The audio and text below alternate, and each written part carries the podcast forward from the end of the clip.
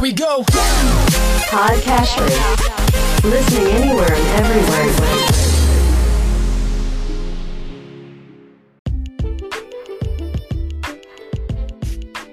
Welcome to Weekly Investment Podcast bersama saya Ferdian Syahputra dari Ispring Investment Indonesia untuk Prudential Indonesia.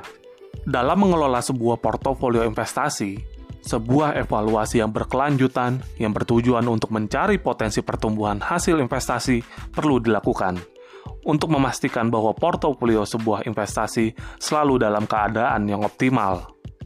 Dalam melakukan evaluasi tersebut, Perangkat yang biasanya digunakan adalah analisis kuantitatif dan analisis kualitatif. Analisis kuantitatif adalah teknik analisis yang menggunakan angka-angka yang terukur, yang bersifat numerik.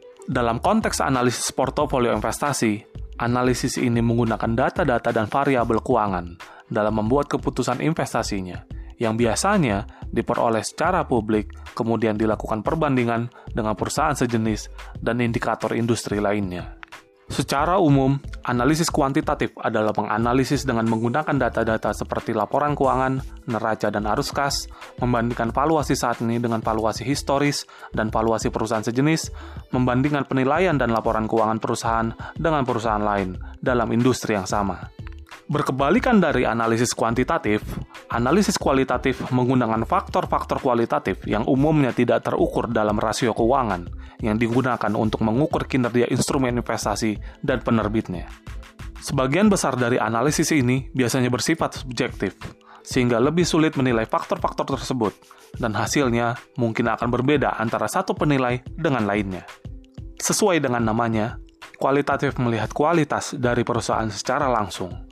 Indikator atau faktor-faktor yang digunakan dalam analisis kualitatif antara lain gaya kepemimpinan perusahaan, kualitas manajemen, kualitas sumber daya manusia, brand awareness, potensi pertumbuhan dan siklus industri, dan kredibilitas perusahaan.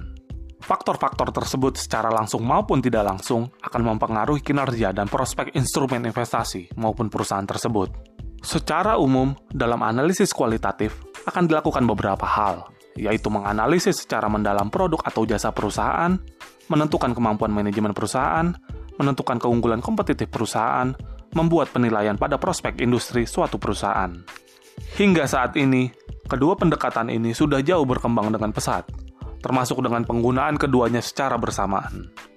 Pada akhirnya, semua analisis investasi digunakan untuk mengambil keputusan investasi yang bermaksud meminimalkan risiko dan mengoptimalkan hasil investasi.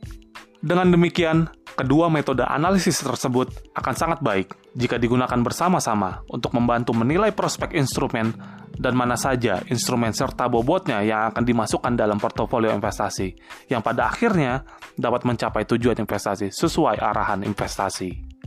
Demikian Weekly Investment Podcast dari Ispring Investment Indonesia untuk Prudential Indonesia. Semoga bermanfaat dan salam investasi.